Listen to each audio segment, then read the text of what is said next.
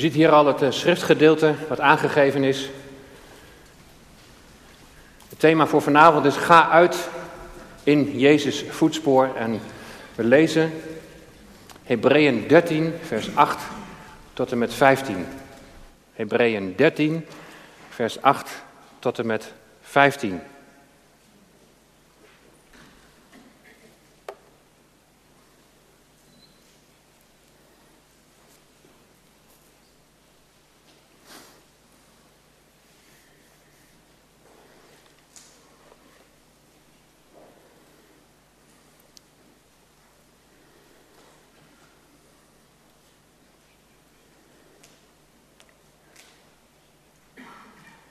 Dan lezen we vanaf vers 8 het volgende. Jezus Christus is gisteren en heden dezelfde en tot in eeuwigheid.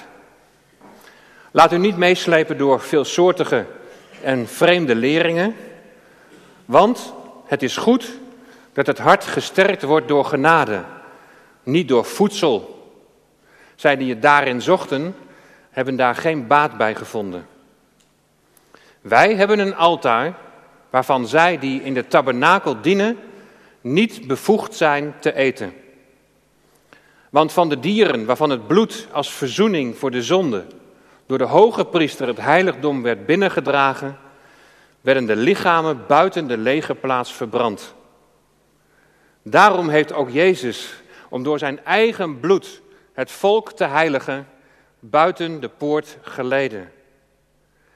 Laten wij dan naar hem uitgaan buiten de legerplaats en zijn smaad dragen. Want we hebben hier geen blijvende stad, maar wij zoeken de toekomstige. Laten we dan altijd door hem een lofoffer brengen aan, aan God, namelijk de vrucht van lippen die zijn naam beleiden.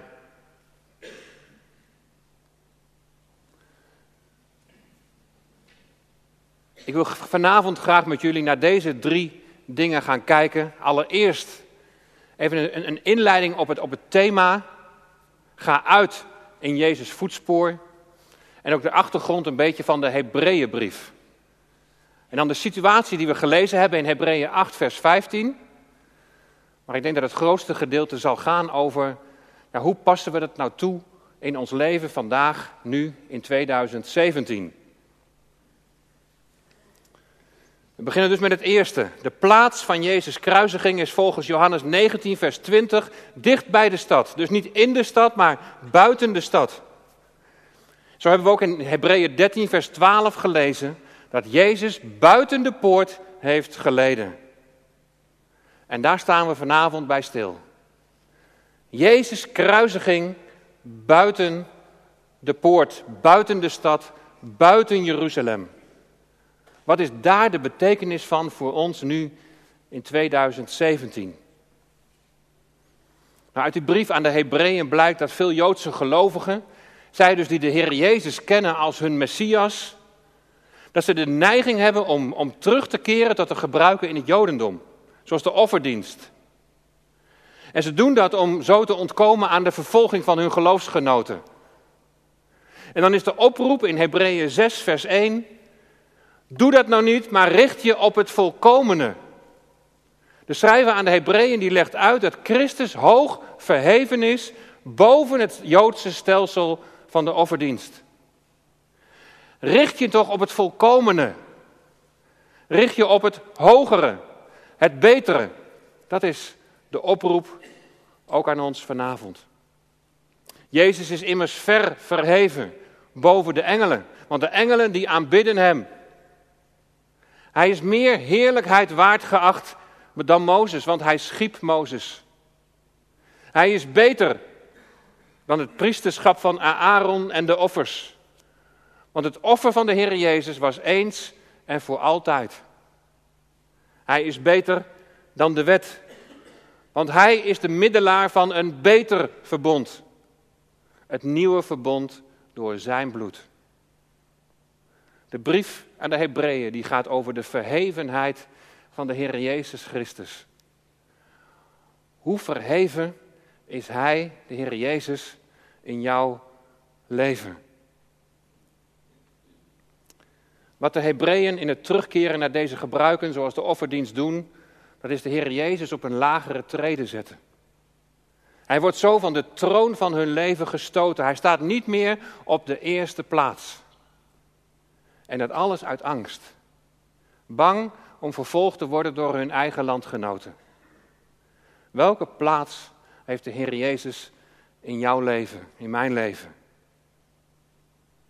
Is er nog iets dat een vergelijkbaar terugkeren is naar oude patronen, en zoals hier de offerdienst, uit angst voor wat je omgeving ervan zal vinden? In vers 13 hebben we gelezen. Laten we dan naar Hem uitgaan, buiten de legerplaats, en Zijn smaad dragen. Wat betekent het om in Jezus voetspoor te gaan als je dit leest? Laat het eens op je inwerken. Ga uit buiten de legerplaats om de smaad van de Heer Jezus te dragen. Wat betekent dat in relatie tot ons jaarthema gaan in Jezus voetspoor? Wat betekent dat als je je laat leiden door wat andere mensen van je vinden, hoe jij in je geloof staat? Laten we eens kijken naar de situatie in Hebreeën 13. Wat we in de Hebreeënbrief voortdurend zien, dat is een vergelijking tussen het oude verbond en het nieuwe verbond. De offerdienst van het oude verbond tegenover het offer van de Heer Jezus aan het kruis van Golgotha in het nieuwe verbond. En hier in Hebreeën 13 zie je een beschrijving van de tabernakeldienst onder het oude verbond. En in relatie tot de tabernakel wordt gesproken over een legerplaats. De tenten die zo rondom de tabernakel stonden. Ze waren samen onderweg, samen door de woestijn. En de legerplaats waren de tenten rondom de tabernakel. Daarbuiten, daar was het onreine gebied. Daar was het gebied van de heidenen. Daar moesten de lichamen van de offerdieren moesten daar worden verbrand. Vers 11 beschrijft ons de grote verzoendag. Je ziet daar op het scherm de tekst al een beetje opgesplitst, zodat je goed kunt zien wat er op die grote verzoendag gebeurde. Van de dieren werden de lichamen buiten de legerplaats verbrand. Dat zijn dieren waarvan het bloed door de hoge priester in het heiligdom, het heilige der heiligen, werd binnengedragen om verzoening te doen. Het bloed werd binnengedragen en op de deksel van de ark, de verzoendeksel, gesprenkeld. En zo werd verzoening gedaan. En dit offer, dat was een zondoffer. En volgens het gebod, beschreven in Leviticus 16, vers 27, moesten deze dieren dus, dieren waarvan het bloed op het verzoendeksel was gesprenkeld, moesten buiten de lege plaats worden verbrand. Deels vanwege de bijzondere heiligheid van deze dieren. Deels omdat de lichamen van deze dieren met de zonde van de mensen waren beladen. Na Israëls verblijf in de woestijn, toen de offerdieren buiten de lege plaats werden verbrand, gebeurt dat ten tijde van het leven van de Heer Jezus buiten de stad, buiten Jeruzalem. En dan laat de Hebreeënbrief, of de Hebreeën schrijven, die laat ons zien dat er iets beters is. Deze offerdienst onder het oude verbond, het sprenkelen van het bloed, het verbranden van de offerdieren buiten de legerplaats is vervuld. Is namelijk tot vervulling gekomen in de Heer Jezus, die de weg naar het kruis van Golgotha is gegaan. En de Heer Jezus is tegelijkertijd hoge priester die toegang heeft tot het heilige der heiligen. En tegelijkertijd is hij ook het offerdier. Het lam dat ter slachting wordt geleid. Hij brengt het offer en hij is het offer. Net als op grote verzoendag wordt het lichaam van de Heer Jezus buiten de legerplaats, buiten Jeruzalem gebracht.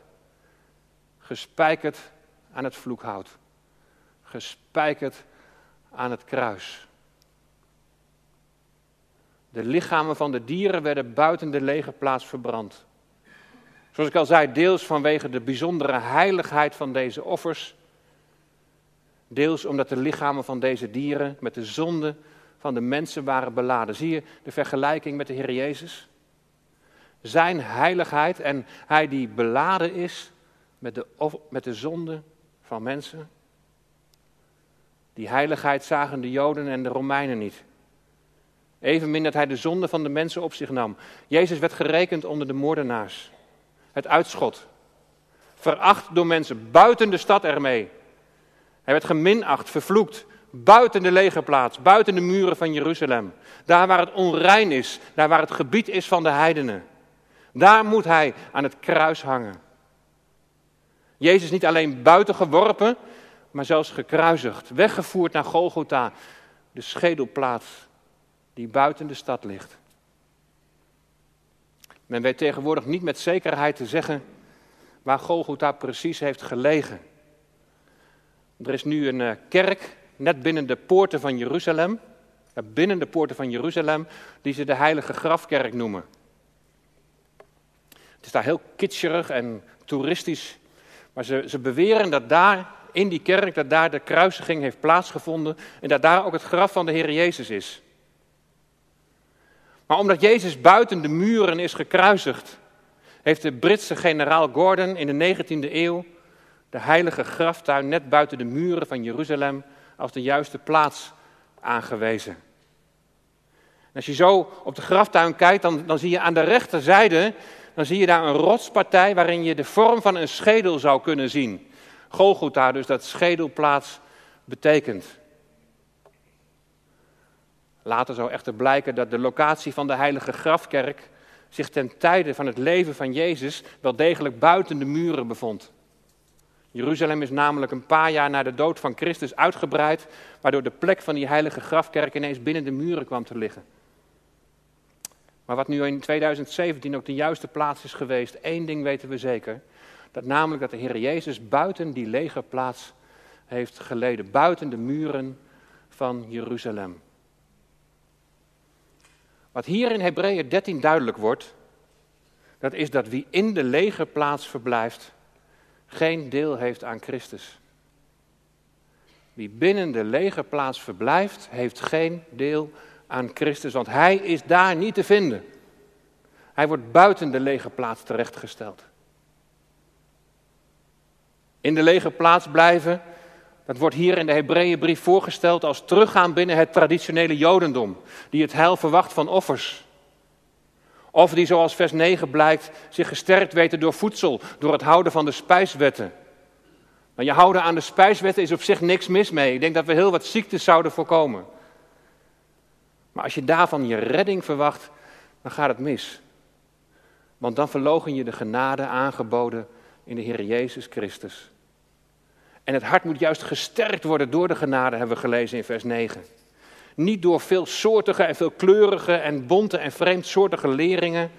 Die leren dat je redding mag verwachten vanuit de traditie van dierenoffers en spijswetten. Dan verlogen je de genade. En als je de genade verlogent, dan verlogen je de Heer Jezus die genade is. Binnen de muren van de legerplaats heb je geen deel aan Christus. En dan zullen er in die tijd mensen zijn geweest die radicaal teruggegaan zijn gegaan naar de traditie van de offers. En die ook daarmee de Heer Jezus terug hebben toegekeerd. Maar er zullen ook mensen zijn geweest die een beetje zijn gaan mengen. Een beetje een Jezus plus evangelie. En, en dat is nou juist zo'n vreemde lering. Vreemd betekent dat het een lering is die wezensvreemd is aan het evangelie. Of ze Jezus nu helemaal de rug toekeren, of ze voegen er iets aan toe, ze gaan wat, wat vermengen. Het is allebei geen evangelie. Het evangelie dat goed nieuws betekent, dat is de Heer Jezus Christus zelf. En welke plus dan ook doet af aan de genade die Hij ons heeft betoond. Welke plus dan ook degradeert de Heer Jezus onder die plus. Jezus leed buiten de legerplaats. Daar moet je zijn. Daar heb je deel aan Hem. En wat is nou de praktische toepassing voor ons vandaag? Je hebt wel eens van die films gezien dat, uh, dat ineens de film even teruggaat in de tijd. Dan zie je bijvoorbeeld in beeld zo uh, zes uur eerder. Zes uur voor de kruisiging. S'morgens om zes uur werd Jezus van de raad naar Pilatus, van Pilatus naar Herodes en van Herodes weer terug naar Pilatus gebracht. En dat allemaal op dezelfde dag, diezelfde morgen van de kruisiging. Jezus was de vorige avond al geslagen. Bij Herodes wordt hij gegezeld. En dan wordt hij weggeleid op het heetst van de dag. Hij wordt dan weggeleid buiten de legerplaats, buiten Jeruzalem. Als Jezus bijna bezwijkt onder de last van het kruis, dan grijpen ze een zekere Simon van Cyrene, die net van het land komt. Simon die van het land komt, die wordt dan opgedragen om het kruis, en dat is dan de dwarsbalk van het kruis, om die dwarsbalk voor de Heer Jezus te gaan dragen. En ze legden het kruis op hem om het achter Jezus te dragen.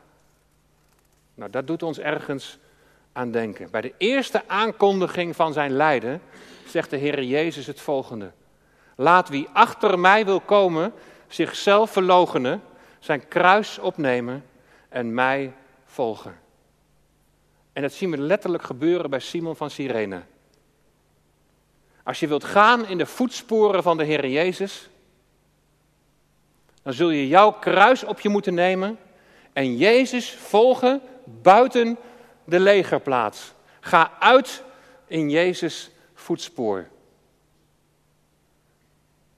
Wat betekent dat nu eigenlijk? Je kruis dragen. Dat betekent Jezus volgen. Je kruis dragen betekent Jezus volgen in gehoorzaamheid. Je kruis dragen betekent dat je doet wat Hij zegt. En dat je dat doet ongeacht de gevolgen die dat met zich meebrengt. Bedenk eens waarom Jezus de weg naar het kruis ging. Dan zeg je misschien al gauw dat Hij die weg ging om voor jou te sterven. En dat is waar. Maar dat is niet het allereerste waar ik aan denk. Het eerste waar ik aan denk is dat de Heer Jezus deze weg ging voor zijn Vader. Om aan de Vader terug te geven wat aan Hem toebehoort. Omdat Hij het geschapen heeft.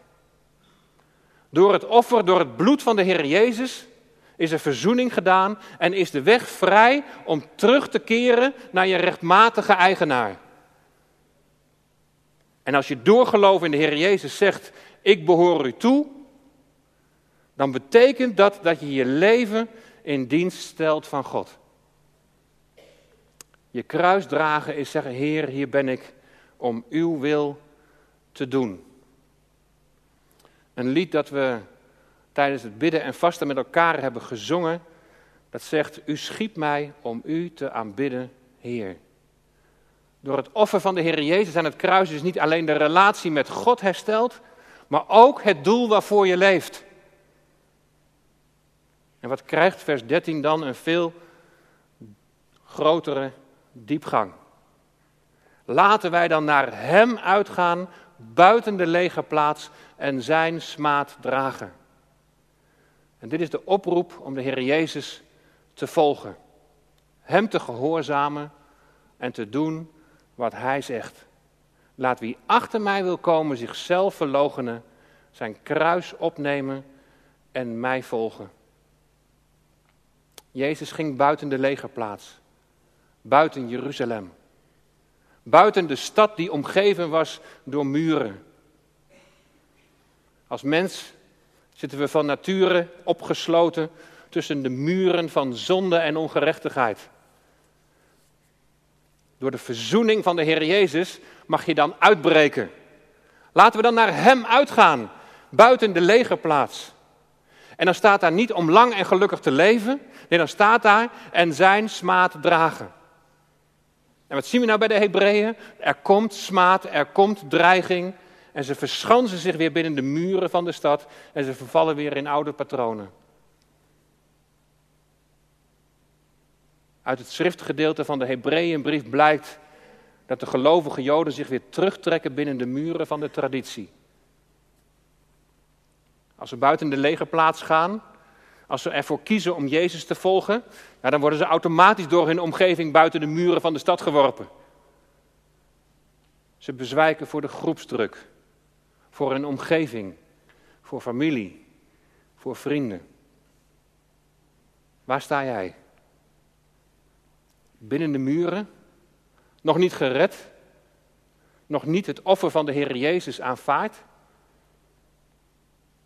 Is het, is het de groepsdruk die je van die keuze afhoudt? De groepsdruk die, die jongeren kunnen ervaren. Je wilt ergens bij horen en dat is heel logisch. Ja, en wil je wel uitgeworpen worden buiten de legerplaats en zijn smaad dragen, dat is niet echt een aantrekkelijke boodschap. Maar dat is wel de realiteit. Ik weet nog dat, dat jaren geleden broeder Orlando Botterblij preekte in een gevangenis in Suriname en dat ook velen hun hart aan de Heer Jezus wilden geven. En toen bracht hij dezezelfde boodschap. Weet je het wel heel zeker? Want als je Hem gaat volgen, dan zul je ook een weg van lijden gaan. Dan zul je Zijn smaad dragen. Of is het de groepsdruk die mensen in bepaalde kerkelijke culturen kunnen ervaren? De groepsdruk dat je, dat je niet zomaar het offer van de Heer Jezus kunt aanvaarden. En als je dat wel doet, en je laat je ook nog dopen, dan kan dat diezelfde verwerping tot gevolg hebben. Wil je de smaad van Jezus dragen? Of keer je net als de Hebreeën terug in die oude patronen van de traditie om lijden te voorkomen? Wie komt op de eerste plaats in je leven? En het antwoord op die vraag, die heeft te maken met wat we in vers 10 hebben gelezen, waar het gaat over dat altaar. Als je zegt dat de Heer Jezus op de eerste plaats komt, dan is dat niet alleen een kwestie van met je mond beleiden of mooie liederen daarover zingen, maar dan laat je het ook zien in een verlangen om Zijn wil te doen, ook als het moeilijk wordt, ook als dat strijd met zich meebrengt. En dat je daartoe in staat bent, dat heeft iets met dat altaar te maken. Wij hebben een altaar waarvan zij die in de tabernakel dienen niet bevoegd zijn te eten. Wij hebben een altaar, maar zij die in de tabernakel dienen zijn niet bevoegd daarvan te eten. Gaan we eerst even terug onder het oude verbond. De priesters die in de tabernakel dienst doen binnen de legerplaats, die dienst doen in de tempel binnen de muren van Jeruzalem. Deze priesters die mogen niet eten van de zondoffers die op het brandofferaltaar zijn geofferd. Die moesten immers buiten de legerplaats worden verbrand. Maar wij gelovigen, wij die ook priesters worden genoemd, wij hebben een heel bijzonder altaar.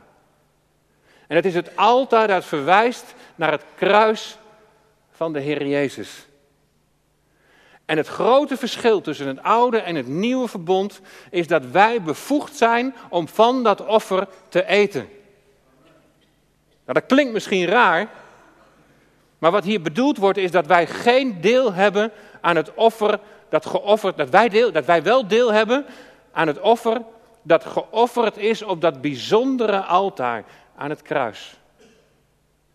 En waarom je deel aan Hem hebt, dat is op een bijzondere wijze in Galaten 2, vers 20 verwoord, waar staat: Ik ben met Christus gekruisigd en niet meer ik leef, maar Christus leeft in mij. Zie je de verbinding? Je hebt deel aan Christus, aan dat altaar. Je mag daarvan eten, je mag daar deel aan hebben, want je bent met Hem gekruisigd.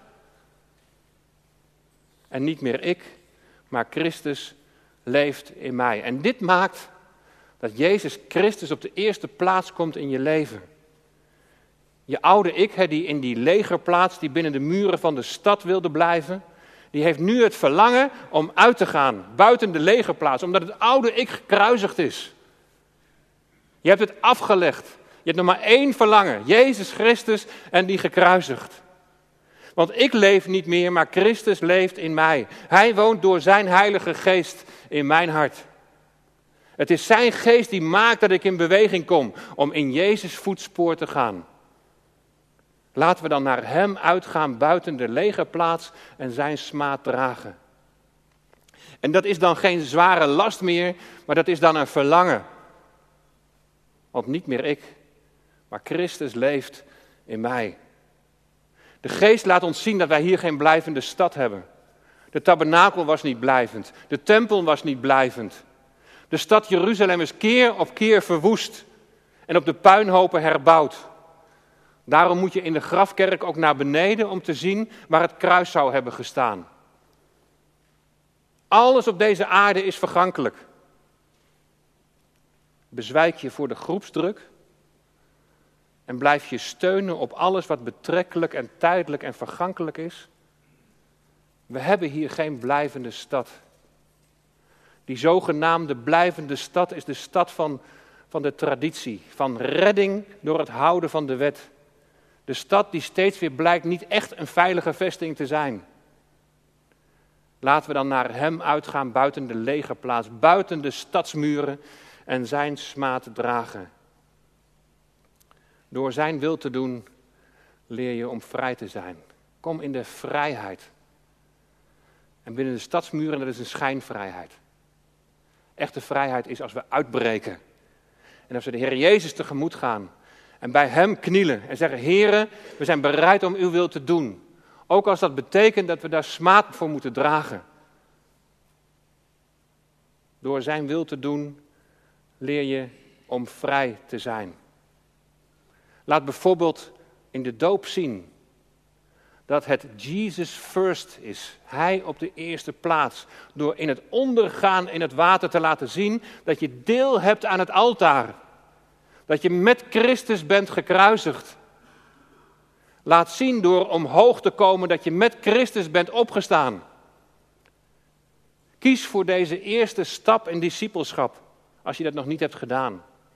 Ook als je daarvoor zijn smaad moet dragen.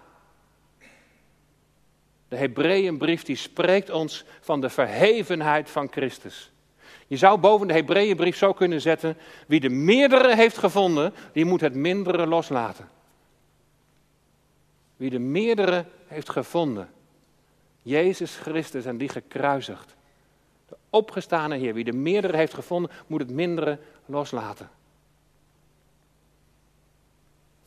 Dat mindere is de offerdienst. Dat mindere is dat, dat, dat je iets doet om je omgeving te pleasen. De offerdienst wordt ook steeds weer herhaald. En die herinnert je voortdurend aan je zonde. Als wij zometeen de maaltijd van de Heer vieren, dan staat er niet: doe dit tot gedachtenis van je zonde. Maar er staat: doe dit tot gedachtenis van de Heer Jezus. Zien op Jezus bepaalt je bij Zijn genade. Doen je zonden of het zondigen er dan niet meer toe? Natuurlijk wel. Want je doel is in Christus geworden om God te aanbidden in je leven. En als je Hem aanbidt, dan laat je het na om te zondigen. En er zijn momenten dat je nog zondigt. Maar dat is je gerichtheid niet meer. Je richt je op de Heer Jezus. Je bent uitgebroken. Je bent naar de Heer Jezus gegaan aan de voet van het kruis en het vergeving van zonden ontvangen. Doe dit, vier deze maaltijd tot zijn gedachtenis. Dit is het principe van overwin het kwade door het goede. Wees op het goede gericht, zodat je geen lust meer hebt tot het kwade. Wees op Jezus gericht, zodat je geen lust meer hebt om te zondigen. Wees op Jezus gericht, opdat je niet terugvalt in oude patronen, maar ga in Jezus voetspoor. We vieren de maaltijd ziende op Jezus. En we vieren het tot zijn gedachtenis. Als het brood gebroken wordt en de wijn vloeit, staan we stil bij Jezus buiten de legerplaats en zijn we bereid om zijn smaad te dragen. Hij die alles heeft volbracht. En als we dat, dat bedenken, laten we dan altijd door Hem een lofoffer brengen aan God, namelijk de vrucht van lippen die Zijn naam beleiden. Dat is een offer wat je wel mag brengen. Een lofoffer. Wij beleiden de naam van de Heer Jezus. Door Hem brengen wij een lofoffer aan onze God. We gaan buiten de legerplaats waar het kruis is opgericht. Ga uit in Jezus' voetspoor. Daarom komen we zo meteen bij de viering van het avondmaal ook symbolisch in beweging. Laat het opstaan en het naar voren komen om brood en wijn in ontvangst te nemen een gebedswandeling zijn. Een wandeling tot zijn gedachtenis. Ziende op hem is daar het besef dat de wereld voor jou gekruisigd is. Binnen de zogenaamde veilige muren van de stad bezwijk je voor groepsdruk. Je vindt het belangrijk wat andere mensen van jou vinden en van jouw keuzes. Het is belangrijk hoe mensen naar je kijken. Je wilt erbij horen, maar die stad, lieve mensen, is geen blijvende stad. In het nemen van brood en wijn geef je aan bij Gods familie te wonen. Het volk dat uitgaat naar Jezus en samen zijn smaad draagt. In Hem, ziende op Hem, blijf je staande onder de druk van deze wereld. Dicht, dicht bij Hem, daar wil ik zijn. Laten wij dan altijd door Hem een lofoffer brengen aan God, namelijk de vrucht van lippen die Zijn naam beleiden. En zo mogen we beleiden, Jezus is Heer over ons leven. Amen. Laten we samen bidden. Trouwe God en Vader, we danken u dat u uw zoon gezonden hebt, dat hij de weg naar het kruis vrijwillig is gegaan. Heer, hij is buiten de legerplaats gebracht, daar waar de moordenaars gebracht werden, daar waar het onrein is, daar waar de heidenen zijn. Hier, daar heeft hij zijn leven afgelegd. Aan het vloekhout, aan het hout van Golgotha. We zijn u dankbaar, Heer, voor de weg die u bent gegaan. We danken u, Heer Jezus, dat u ons roept om tot u te komen. En tot u komen betekent niet binnen de stadsmuren blijven. Heer, ik bid u als er hier vanavond mensen zijn die, die hun hart en hun leven nog niet aan u hebben toevertrouwd. Die u nog niet kennen als redder en als verlosser. Dat ze ook vanavond uw roepstem mogen verstaan. Dat ze mogen weten, er is maar één weg tot behoud. En dat bent u. En dat behoud is niet te vinden binnen de blijvende stad.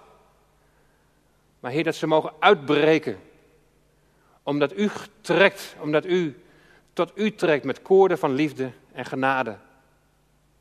Geef je hart aan de Heer Jezus en geloof in Hem. Je redder, je verlosser.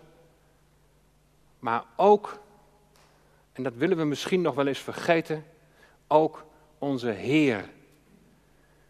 En Heer, zo willen we met die uitspraak van Heer willen we beleiden dat U Heer bent over ons leven. Geef dat U op de eerste plaats komt.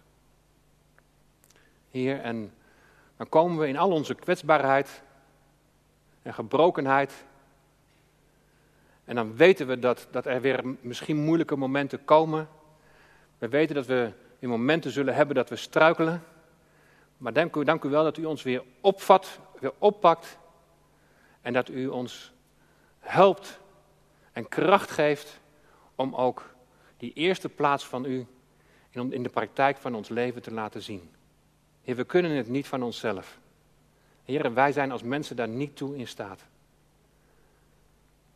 Maar u bent gisteren en heden en in de toekomst dezelfde. U zult ons niet loslaten. U gaat mee. U gaat voor ons uit. U bent onze opperherder. Heer, we willen u volgen. Heer, we bidden u. Vernieuw ons. Raak ons hart aan. Heer, zoals we de afgelopen drie dagen ook gebeden hebben. Laat het zo zijn dat we een hartstochtelijk geloofsleven kennen. Waarin U, Heer Jezus, de eerste plaats inneemt. U behoren we toe. U willen we loven en prijzen en danken. Vanavond in het bijzonder voor het offer dat u hebt gebracht. Wat een genade dat u het uitriep. Het is volbracht. We willen met onze lippen uw naam beleiden, u loven en prijzen. In Jezus' naam. Amen.